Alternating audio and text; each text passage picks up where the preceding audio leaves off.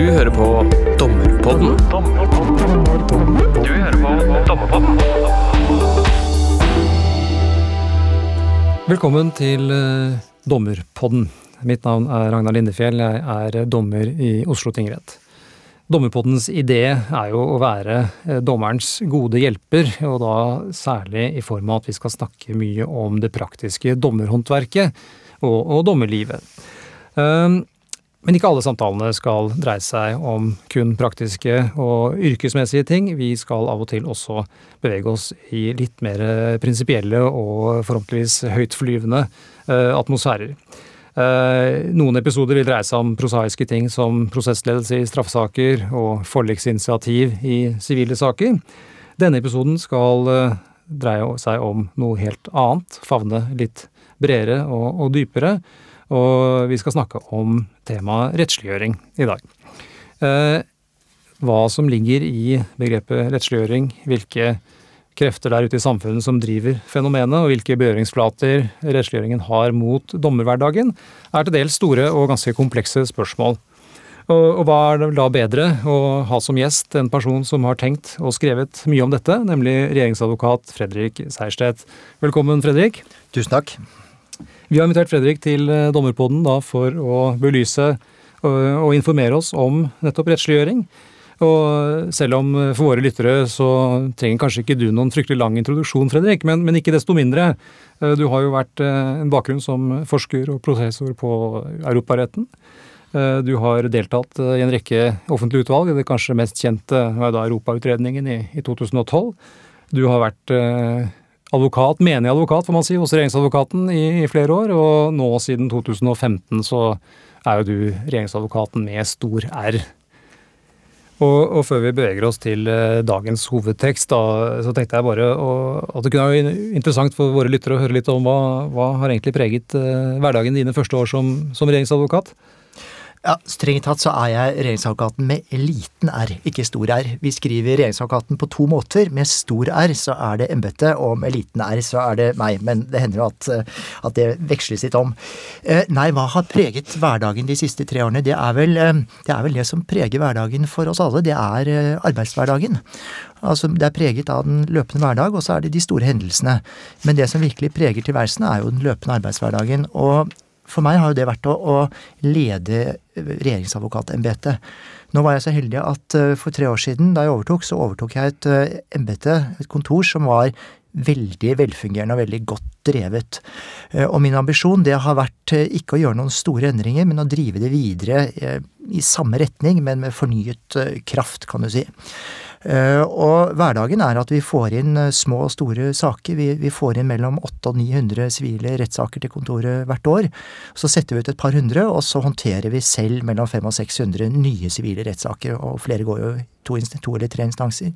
Og bare det, og så driver vi ganske omfattende rådgivning ved siden av opp mot regjering og forvaltning.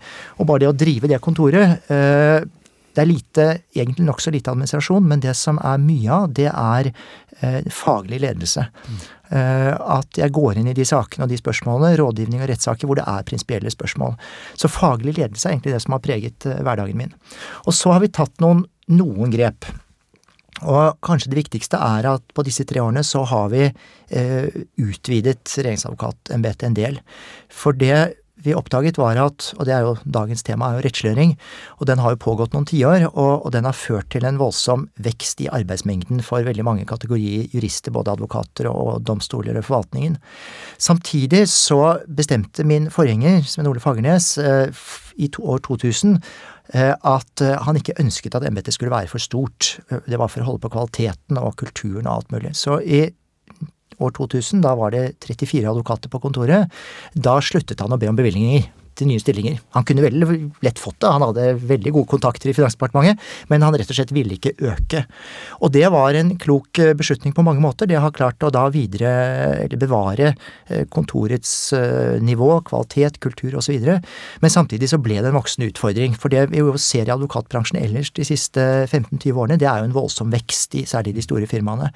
Og det samme gjaldt arbeidsmengden for regjeringsadvokatene. Voldsom vekst i arbeidsmengden de siste 15-20 årene. Samtidig som vi ikke har hatt økning i stillinger.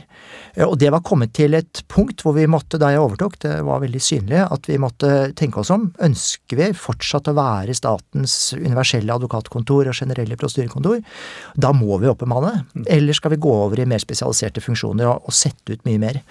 Og vi gjorde et valg for to år siden om å eh, moderat vekst. Så vi og la en treårsplan for å gå opp fra 34 advokater til 50 eh, advokater. Eh, og der nærmer vi oss. I dag er vi vel 46. Eh, Så det har også vært, og for et kontor å gå fra 34 til 46 advokater er et ganske stort grep. Men det var helt nødvendig, rett og slett, for å kunne fortsette å holde nivået. Så det har vel egentlig vært den viktigste oppgaven min som leder av embetet de siste årene. Og det er direkte knyttet til, til dagens tema med rettsliggjøring. Nettopp. Det gir oss egentlig en, en god overgang til å gå rett inn i, i selve temaet, som, som jo er rettsliggjøring. Og det er vel da en underliggende hypotese for, dette, for denne samtalen at de siste ti årene så, så har det skjedd en, en, utvikling i retning av at stadig flere interessefelt underlegges rettslige rammer, og, og, at individene får rettigheter som i større grad kan håndheves for domstolene, og at appetitten for håndheving øh, synes å, å øke. Og det, det er kanskje også økningen i antall regjeringsadvokater en indikasjon på. da. Eh, hvis, vi skulle, hvis du skulle fortalt en, en jevnt eh, samfunnsengasjert og opptatt dommer, eh, hva er egentlig rettsliggjøring? Eh, hvordan ville du, hvordan vil du beskrevet fenomenet? Ja, Ordet rettsliggjøring er et begrep, og det brukes nok på litt forskjellige måter av forskjellige personer, og kan være sammensatt og inneholde flere ting. Men, men, hvis vi skal gå til den enkle kjernen for meg, sånn som jeg tenker på begrepet, så er rettsliggjøring rett og slett at spørsmål som ikke tidligere var rettslig regulert, blir rettslig regulert. Så enkelt i sin kjerne. Og så er det selvfølgelig forskjellige varianter av dette. Et, eh, en type rettsliggjøring det er hvis du har et samfunnsområde som i det hele tatt, eller nesten ikke, har vært rettslig regulert, og så blir innført ny lovgivning på det området. Statsstøtte kan være et eksempel på det, det kan vi komme tilbake til. Offentlig anskaffelse, for eksempel. Eh, et annet eksempel er hvis du har et område hvor det i og for seg er lovregler, men de er ikke spesielt detaljerte, og så blir det gitt mye mer detaljerte regler, sånn at forvaltningens frie skjønn eller private handlingsrom blir, blir bundet opp mye mer enn før. Eh, en tredje element i rettsliggjøring er jo hvis domstolene intensiverer kontrollen sin med forvaltningen, sånn at forvaltningens handlingsrom innskrenkes fordi det frie skjønn blir mindre. Og så har du jo kanskje den viktigste siden ved rettsliggjøringen i moderne tid, nemlig internasjonaliseringen. Og, og, gjennom at det kommer nye regler som har sitt utspring som oftest europeisk, EMK eller EØS-retten eller andre konvensjoner. Og de nye reglene som kommer utenfra, de internasjonale, de kan enten skape ny juss på helt nye områder, eller så erstatter de nasjonale regler. Men den viktige forskjellen da, særlig sett fra eh, storting og regjerings side, det er at de, de, binder opp. Fordi dette da blir regler som ikke er like lett for nasjonal lovgiver å endre. Så da er rettsliggjøringen det er da en sementering, kan du si, at reglene blir gitt utenfra. Og at uh, de som til syvende og sist uh, skal avgjøre uh, tvilstilfelle og åpne spørsmål, det er domstoler. Og da ikke bare lenger de norske domstolene, men internasjonale domstoler. Da i Strasbourg og Luxembourg i første rekke. Mm. Og Hvis vi skulle sett litt på noen av årsakene til dette, hva er det som, eh, hvis man ser litt bredt på, på utviklingen de siste ti årene, hva er det som driver denne utviklingen mot en stadig større rettsliggjøring? Du har vært litt inne på ja, det, men det, det, kan jo diskuteres, ja. men, men, i mitt hode så er det særlig tre faktorer, og de, de, virker sammen i samme retning. For det første så er det som sagt internasjonaliseringen, og det er kanskje det største og viktigste, og det kan vi komme litt tilbake til. Ja. Og det er særlig en europeisering, med EMK eh, e og EØS som de viktigste bolkene. Men også andre viktige traktater. Mm. For det andre så er det en nasjonal utvikling. Eh, Stortinget som gir mer lover, altså som, ikke, som, er egne nasjonale regler som vi frivillig innfører. Eh, dels gjennom Stortingets lovgivning, og i den kategorien så vil jeg nok også sette grunnlovsreformen i 2014 og nye rettighetskapittel i Grunnloven. Så det er liksom bolk nummer to. Det er den nasjonale, lovdrevne uh, utviklingen.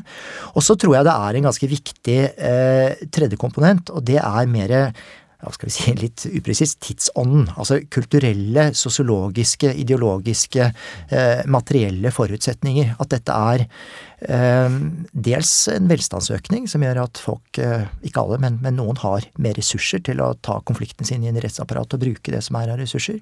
Og dels det som maktutredningen kalte en eh, amerikanisering, altså en mer ideologisk individrettighet, legalistisk tradisjon. Og der tror jeg kanskje ikke man skal undervurdere annet kraften i de amerikanske advokatseriene. I min tid var det LA Law og, og Ally McBeal, og så er det vel noe som heter Suits og Boston League Legal. Mm. Og vi har jo fått, til og med fått vår egen norske variant med Ably Bergen, som jo er en helt hederlig ja, advokatserie. Stemmer, stemmer. Så dette er jo en bred, ja. og dette kan vi komme litt tilbake til hvis du vil, ja, men, men, men, det er veldig interessant. Og, og, maktutredningen la ganske stor vekt på det. altså De introduserte dette begrepet rettsliggjøring for alvor i den norske mm. debatten i 2003. Det er egentlig da den norske debatten starter om dette. Mm. mm. Men Fredrik, kan du bare si litt om hva består denne debatten av, egentlig? Ja, det, Den består av mye rart, eh, og den starter vel i 2003 for alvor, som sagt, med maktutredningens eh, kritikk av rettsliggjøring. For maktutredningen eh, utredet jo mange sider ved maktforholdet i Norge, men den trakk frem rettsliggjøring som ett sentralt utviklingstrekk, og så var det der mye av debattene senere ble, og den har egentlig pågått siden, i 15 år, litt, litt på A.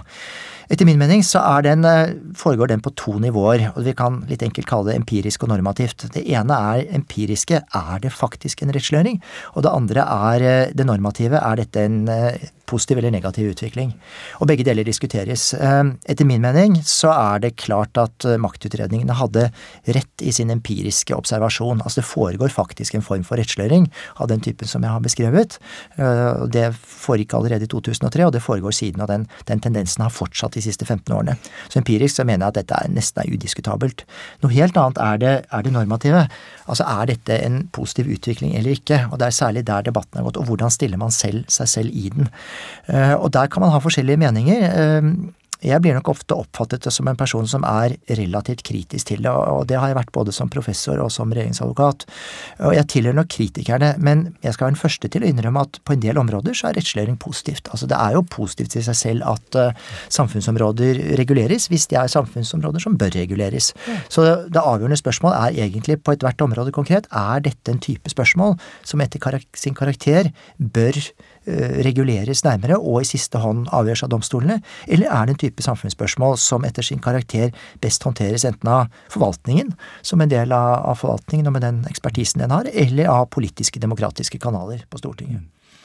Og i dette spørsmålet om hva som er best egnet til det ene eller det andre, eh, det kan jo være ganske komplekst og sikkert avhengig av en rekke ulike faktorer. og og hvordan man vekter disse, vil jo kanskje da ha noe å si for hvorvidt man anser dette som et en positiv utvikling, eller, eller, noe som man skal være mer nølende til.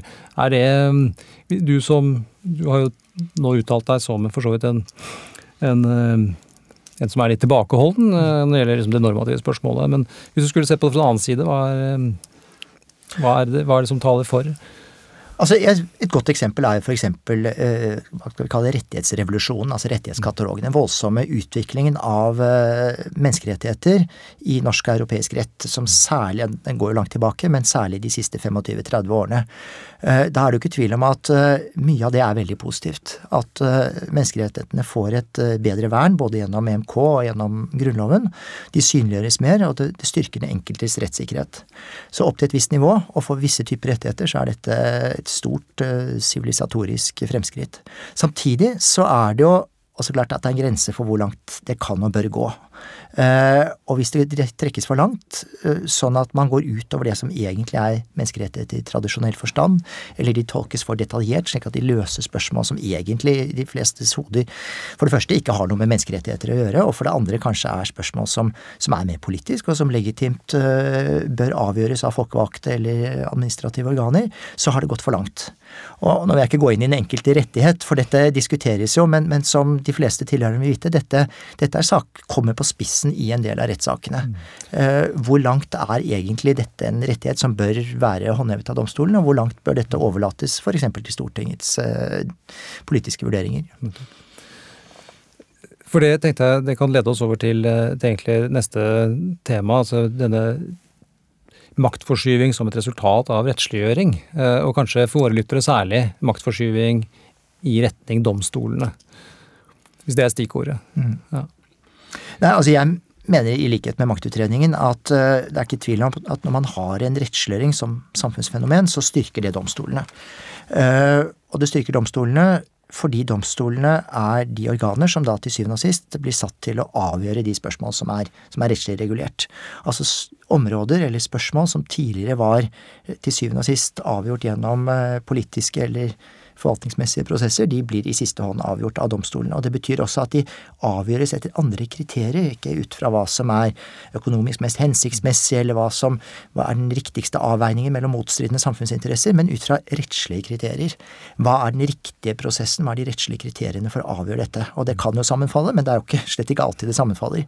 Og i den grad domstolene øh, da, i den grad det foregår rettsliggjøring, så blir det jo domstolene som i siste hånd eh, avgjør disse spørsmålene. Og i den forstand så styrker det domstolene både overfor den lovgivende makt, altså Stortinget, i den grad at domstolene nå har et si, større mandat og grunnlag for å etterprøve Stortingets lovgivning opp mot både Grunnlovens rettigheter og eh, internasjonale traktater og EU og EØS.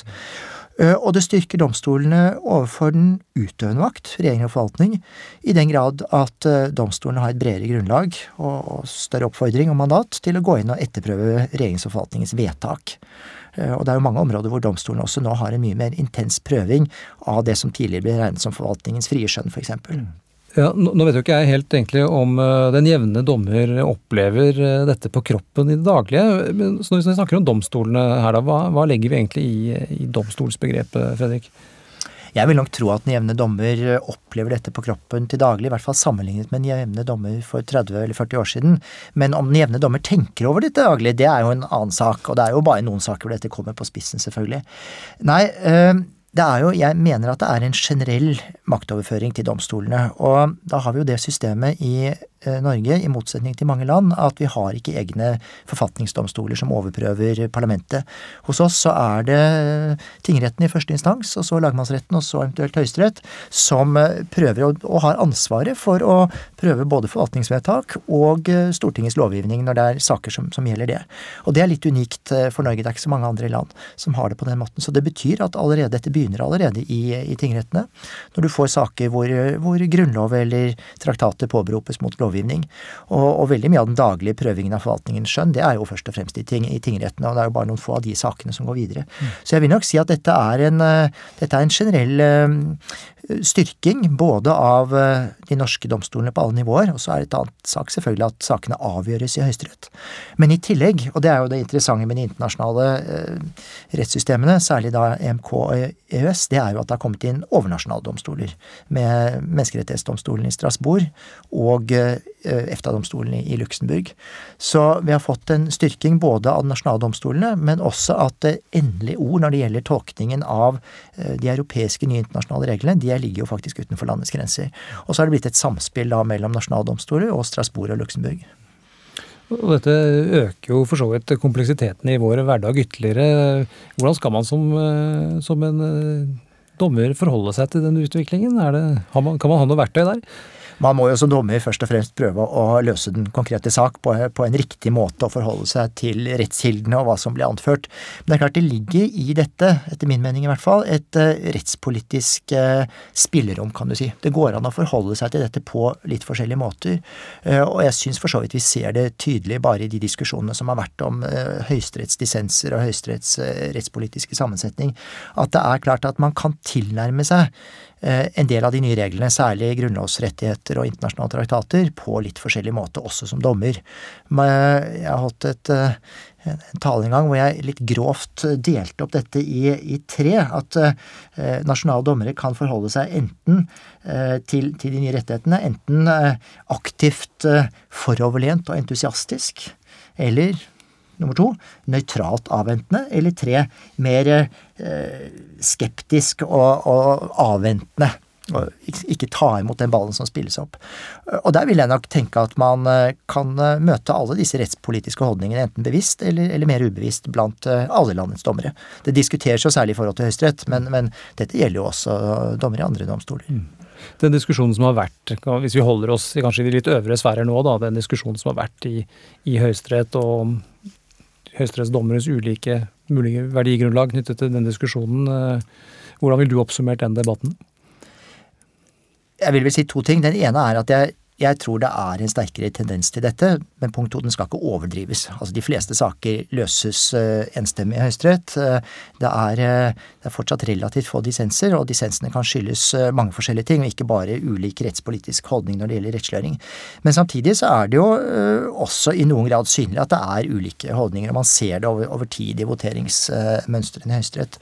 Og det er nok en tydeligere, tror jeg, skala, kan du si, blant høyesterettsdommere og i parentes blant dommere generelt, når det gjelder den rettspolitiske eh, stillingstagen til rettsliggjøring, og særlig rettighetsvernet. Eh, og det betyr jo eksempel at eh, i hvert fall på vårt kontor så er vi mer eh, nysgjerrige og opptatt av eh, sammensetningen av de fem dommerne i avdeling nå enn jeg tror man var for 30 år siden. Nå er det virkelig et liksom, viktig spørsmål for oss hvem, hvem, som sitter i det enkelte panel. Ja, topp, ja, topp. Og det er jo både positivt og negativt. Det, jo, det har jo sine negative sider, men det er jo også positivt at hvis det er uenighet om rettspolitiske posisjoner, at det er en åpenhet rundt det. Kanskje var det uenighet i gamle dager, men den var mer skjult. Mm. Hvis vi, ehm, hvis vi bringer dette litt ned på det, det konkrete igjen, eh, litt ned i, i, hverdagen. Du har jo for så vidt vært innom dette spørsmålet både som, eh, som teoretiker og som praktiker. Eh, og du har prosedert en rekke saker hvor, hvor rettsliggjøring har vært et nokså sentralt tema. Ehm, kan du fremheve liksom noen, noen gode eksempler for lytterne på hvilke fenomener som gir seg utslag i når, i konkrete saker? Ja, Hvis vi skal begynne med kategorien altså nye rettsområder, som rett og slett er, som ikke var rettsliggjort før, mm. så er det jo et par som er særlig iøynefallende, tenker jeg, og de kom med EØS-avtalen, og det er statsstøtte og offentlige anskaffelser. Eh, det var begge deler områder som, hvis vi går tilbake til før 1994, nesten ikke var rettslig regulert. Det var nesten ikke noen regler om hva man hadde lov eller ikke lov å gi av statsstøtte, og det er et stort og viktig politisk spørsmål. Eh, og så kom det med EØS-avtalen og ble rettsliggjort. Det er ikke så mange av de sakene som havner for domstolene, men det er en del av dem for EFTA-domstolen, og det er en veldig viktig parameter for regjering og forvaltning i deres løpende arbeide hvilke rammer statsstøttereglene setter. Og det er en klar rettsliggjøring. Et enda tydeligere eksempel, det er jo reglene om offentlige anskaffelser. For før 1994 så var det stort sett interne instrukser i forvaltningen om det. Refsa var det en som het. Og de, det dukket opp en og annen rettssak, men det var veldig sjelden. Og stort sett så var det ikke et rettslig spørsmål hvilke prosedyrer som skulle følges når det offentlige anskaffet eh, varer og tjenester. Og så kommer da dette som vi alle kjenner, dette enorme regelverket, som først kommer gjennom EØS, og så i tillegg, og da er vi over i punkt to, altså nasjonal utfylling, i tillegg utfylles på nasjonalt nivå med detaljer som går enda langt utover det EØS-avtalen krever. Så dette regelverket er jo da både EØS-rett og det er nasjonalrett. Og jeg tror vel at hvis vi skal sette opp en liste over rettsområder som norske jurister jobber med, altså hvilke rettsområder skaper flest juristarbeidsplasser i Norge i dag, så vil jeg tippe at offentlig anskaffelse er på topp fem-listen. At det er flere hundre jurister i Norge i dag som kun, eller i hovedsak, jobber med eh, offentlige anskaffelser. Og det er et enormt detaljert eh, og komplisert regelverk. Etter min mening er det Eh, det er et godt eksempel på den diskusjonen vår med er dette bra eller dårlig, fordi jeg tror det var veldig bra at vi fikk noen flere regler for offentlige anskaffelser, for å motvirke korrupsjon og hindre altså å fremme effektive innkjøp i, staten og kommunene, men det har gått altfor langt. Det er blitt altfor detaljert, og det er blitt altfor mye juridiske kriterier. Altså en del av fornuften i anskaffelsene, er, retten er, eh, ja, kan man sette spørsmålstegn ved, fordi det nå foregår etter rettslige kriterier. Og det er i noen saker sånn at det er helt umulig for våre klienter i, i staten Og, å velge. Altså, de står i situasjoner under anskaffelsen hvor de vet at hvis de velger A, så blir de saksøkt, og hvis de velger B, så blir de saksøkt. Og det blir rettssak uansett. Så det er et eksempel på rettslig et helt nytt område, og, og, som har gått veldig langt. Eh, og som skaper Løser noen ting, men skaper veldig mye rettslige konflikter. Mm. Det er vel klart at Hvis man eh, står i en situasjon hvor det blir rettssak i ethvert scenario, så kan jo det være en indikasjon på at man kanskje har gått noe langt. Ja, og Hvilke parameter bruker du da for å løse saken? Mm. Er det da minste motstands vei, eller er det det som er økonomisk mest eh, fornuftig for samfunnet? Nettopp. Um, du var inne på Men jeg kan nevne andre områder også. Ja, det kan du sikkert, og det var det jeg tenkte jeg skulle komme inn på. fordi Du nevnte jo dette med menneskerettigheter. Ja. Eh, det er jo et stort eh, tema. Ja. Men jeg kan kanskje foreslå å begrense det litt. Eh, bytte rase, rett og slett. Hva med dyr? Ja, det, dette snakker vi jo litt om på forhånd, så det er jo derfor du leder opp til det. Ja, det Men, det. men et litt morsomt eksempel på rettsliggjøring, en, en helt annen type rettsliggjøring, det er, eh, som vi ser veldig tydelig på vårt kontor, det er hundesakene.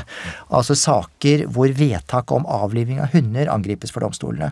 Nå har det jo lenge vært sånn i, i Norge at hvis bikkja di biter naboen, og du anmelder det, så vil det eh, bli truffet et vedtak fra politiet om avlivning av hunden. Og I gamle dager så, så nøyde man seg kanskje Man slo seg til ro med det, man, man ble litt lei seg, men man, man tok med Pluto til, til veterinæren og fikk dette utført. Eh, og mange gjør jo fortsatt det. Men det, her har det kommet en eh, liten bølge av rettssaker, så nå har vi til enhver tid en nokså betydelig eh, hundeportefølje på kontoret. For, for det som skjer nå i en del saker, det er at når disse vedtakene treffes, så, så blir de angrepet for domstolene, og folk bruker ressurser og tid på å forsvare eller angripe vedtaket og forsvare hunden sin. Og det tror jeg, Dette har jo ikke noe med internasjonalisering direkte å gjøre, dette tror jeg er mer den kategorien av amerikanisering, ideologisk og velferd. Altså, det er, det er et tegn på at man har mer ressurser, og det er et tegn på en, noe med tidsånden. altså man, man, skal stå opp for sine rettigheter og, og, for sin hund, og slåss for det. Og så har man tid og krefter til å, til å gjøre det. Og nå er jo de første rettssakene og hundesaken de er på vei inn for Høyesterett og skal, skal, opp der nå om kort tid.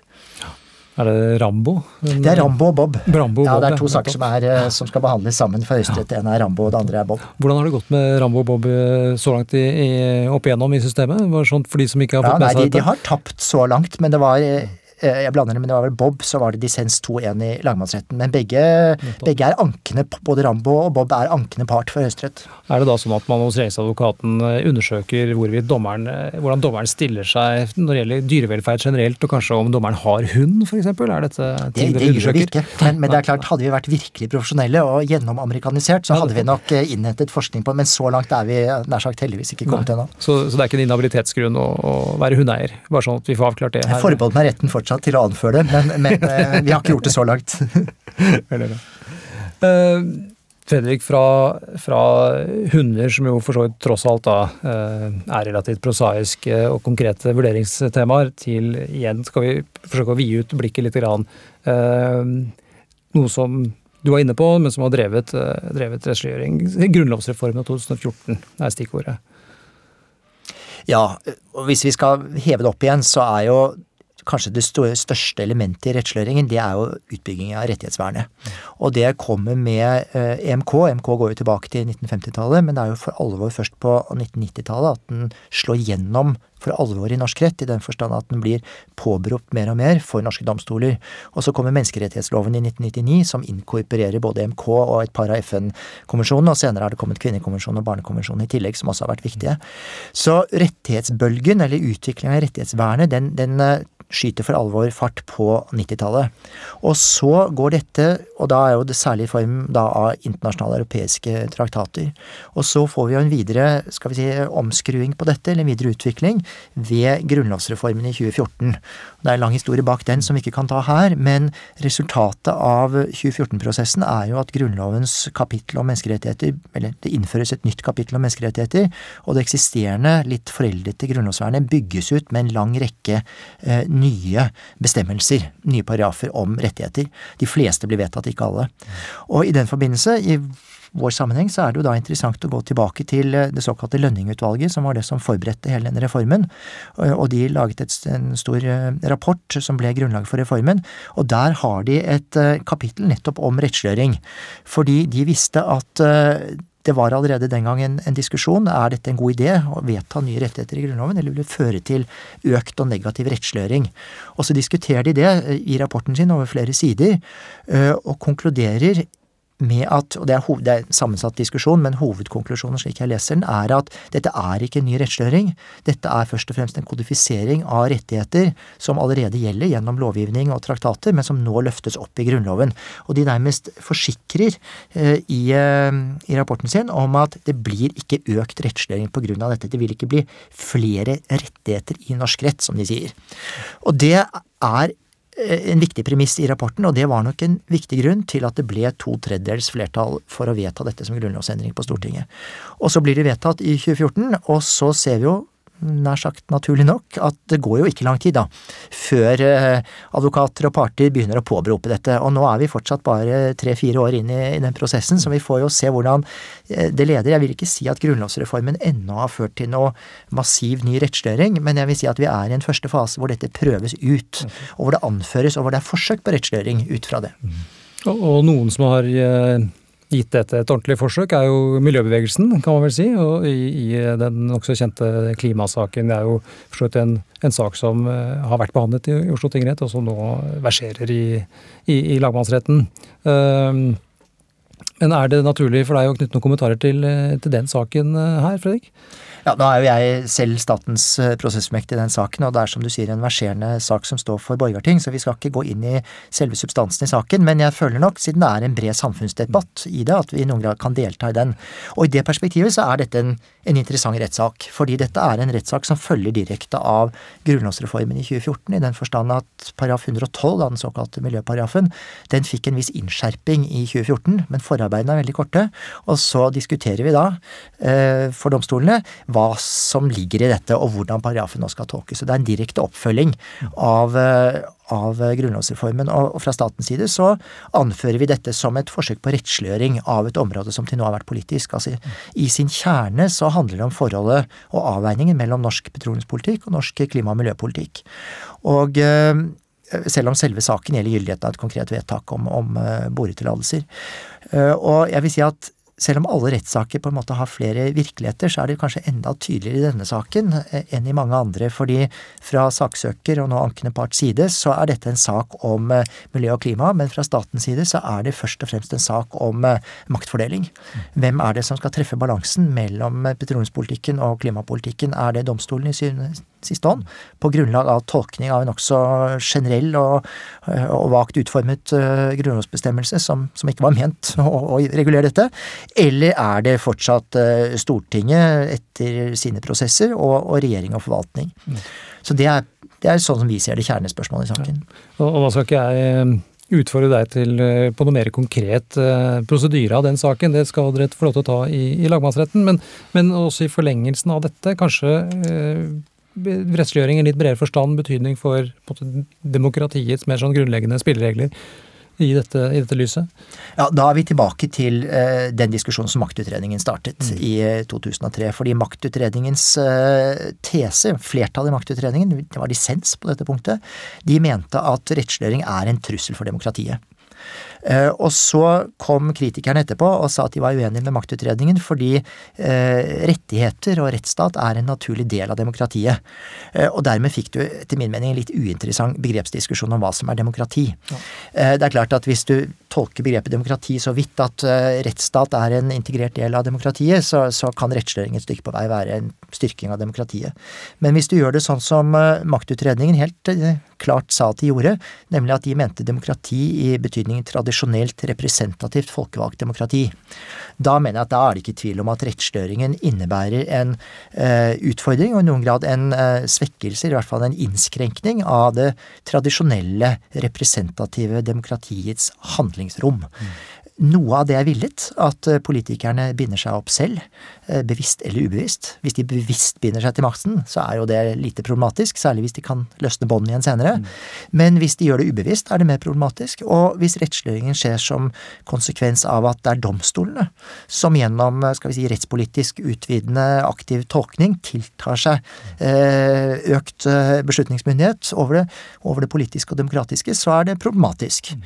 Så her vil jeg si at prosessen er, er veldig viktig viktige. Men, men tilbake til dette med handlingsrom.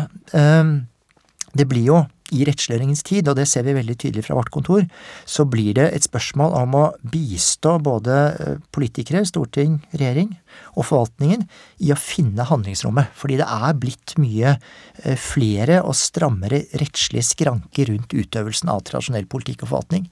Eh, og da blir juristenes, i hvert fall vår oppgave som jurister, det blir å, å hjelpe dem vi som jobber i forvaltningen, og hjelpe dem til å finne dette handlingsrommet. Og vise dem hvor de fortsatt kan, kan eh, utøve politisk og, og administrativ makt. Og, og, gi Stortinget hva Stortingets er, som, som jeg en gang skrev i en artikkel. Mm. Mm. Og, og, hvis vi ser helt konkret på Kanskje avslutningsvis, regjeringsadvokaten, det embetet du leder, det, regjeringsadvokatens rolle i dette store spillet, hvordan vil du beskrevet det? Ja, Vi har en vi nokså klar rolle i dette spillet, og vi er på en måte en slags uh, institusjonalisert uh, motkraft mot rettsløring. Og, og, det ligger i uh, rolleforståelse. Altså jeg vil si Jurister flest de, de tilnærmer seg rettsløring på forskjellig måte. universitetsjuristene er, med noen unntak, oppfatter jeg, jevnt over nokså begeistret for dette. De syns det er gøy. Og de tolker sine regler, og de ønsker å tolke dem utvidende. Skriver du en bok om en paragraf, så ønsker du å gjøre det meste ut av den paragrafen. Og generelt, blant mine tidligere kolleger på universitetet, så mener jeg, igjen med noen klare unntak, at det er en begeistring over rettsliggjøringsprosjektet. Uh, Blant dommere er det, som vi var inne på i sted, mer ambivalens. Noen syns dette er spennende, og noen er mer forsiktige. Og man lurer kanskje litt på hva skal man gjøre med denne nye makten som man ikke har spurt om, og hvor aktivt skal man utøve den. Blant forvaltningsjuristene så, så er det også ulike meninger, litt avhengig av hvilke områder man forvalter. Der er dette først og fremst nye, dels nye føringer på hvordan man jobber, og dels nye skranker. For regjeringsadvokaten så er jo vår jobb å forsvare regjeringen og forvaltningens vedtak. Eh, vi gjør to ting. Vi fører rettssaker, og vi gir rådgivning. Og i begge disse funksjonene så, så møter vi rettsliggjøringen. I domstolene, når det først er truffet et vedtak, og vi forsvarer gyldigheten av det, det er jo for oss nesten alltid gyldighetsspørsmål eller erstatningsspørsmål, eller begge deler. Og vår påstand er jo alltid at vedtaket er gyldig. Det ligger, jo, det ligger jo i sakens natur. Eller at det ikke er erstatningsansvar i dette tilfellet. Så er vi i og for seg positive til nye rettigheter og nye regler, men vi vil jo alltid i den enkelte sak argumentere for at de ikke er brutt. Uh, og i den forstand så, så, fremstår vi utad som en motkraft til rettsliggjøring. For vi vil, vi vil, alltid si at nei, rettsreglene skal ikke tolkes så langt. Mm. Og det er heller ikke fornuftig å tolke dem så langt. I de fleste saker gjelder det regjeringen og forvaltningens vedtak, men i en god del saker så er vi jo faktisk stortingsadvokat. For det, det vi forsvarer er jo gyldigheten av Stortingets lovgivning når det blir angrepet opp fra med grunnlag i grunnlov eller, eller internasjonale traktater. Og så har vi en litt annen og mer, skal vi si, mindre synlig rolle i rådgivningssakene. Hvor vi rådgir regjering og forvaltning i eh, hva de kan gjøre og ikke gjøre. Og der er vi Der vil jeg si at vi har en slags rettspolitisk eh, posisjon på, på kontoret som vi hegner om, og det er å bistå politikere og forvaltning med å finne det rettslige handlingsrommet. Vi må si fra hvis de har tenkt å gjøre noe som klart ikke er lov. Men innenfor de rammene som loven hjelper, setter, så må vi hjelpe dem å finne det handlingsrommet. Og i dette så ligger at vi, vi, blir en institusjonell motkraft, og det er helt nødvendig, tenker jeg. I en periode hvor det er litt sånn begeistring blant jurister om at dette er veldig spennende, og nå får vi mye makt, så er det viktig at noen kan si ah-ah, kanskje ikke fullt så fort, kanskje ikke fullt så langt, kanskje er det også øh, områder hvor dette er i ferd med å gå for langt. Og det er vel en posisjon jeg dels har stått for som eh, professor da jeg var på universitetet, og eh, til fulle står for i min rolle og funksjon som regjeringsadvokat. regjeringsadvokat. Da tror jeg vi kan la det være siste ord. Fredrik Særstedt, regjeringsadvokat, tusen takk for at du deltok i, i Dommerpodden og løftet fram en del, tror jeg, for veldig mange problemstillinger og tanker som vi kanskje ikke er så opptatt av i daglig, men som vi som fenomen betraktet sikkert burde vært mer opptatt av. Så tusen takk til, til deg for, for at du kom. Tusen takk.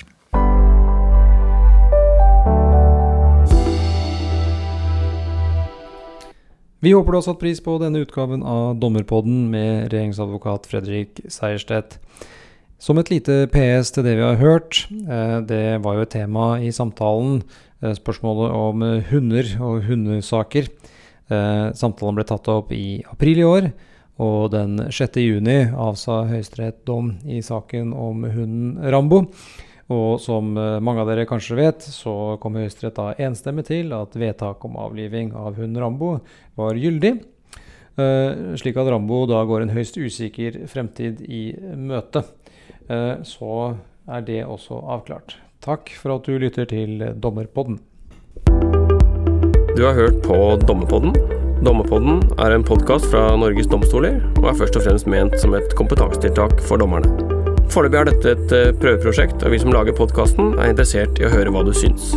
Hvis du har ris, ros eller forslag til temaer eller folk vi kan prate med, så blir vi glad for å høre fra deg. Send en mail til podkast at domstol.no, og gi oss en mulighet til å bli bedre. Ha en god dømmende hverdag så lenge. Vi høres.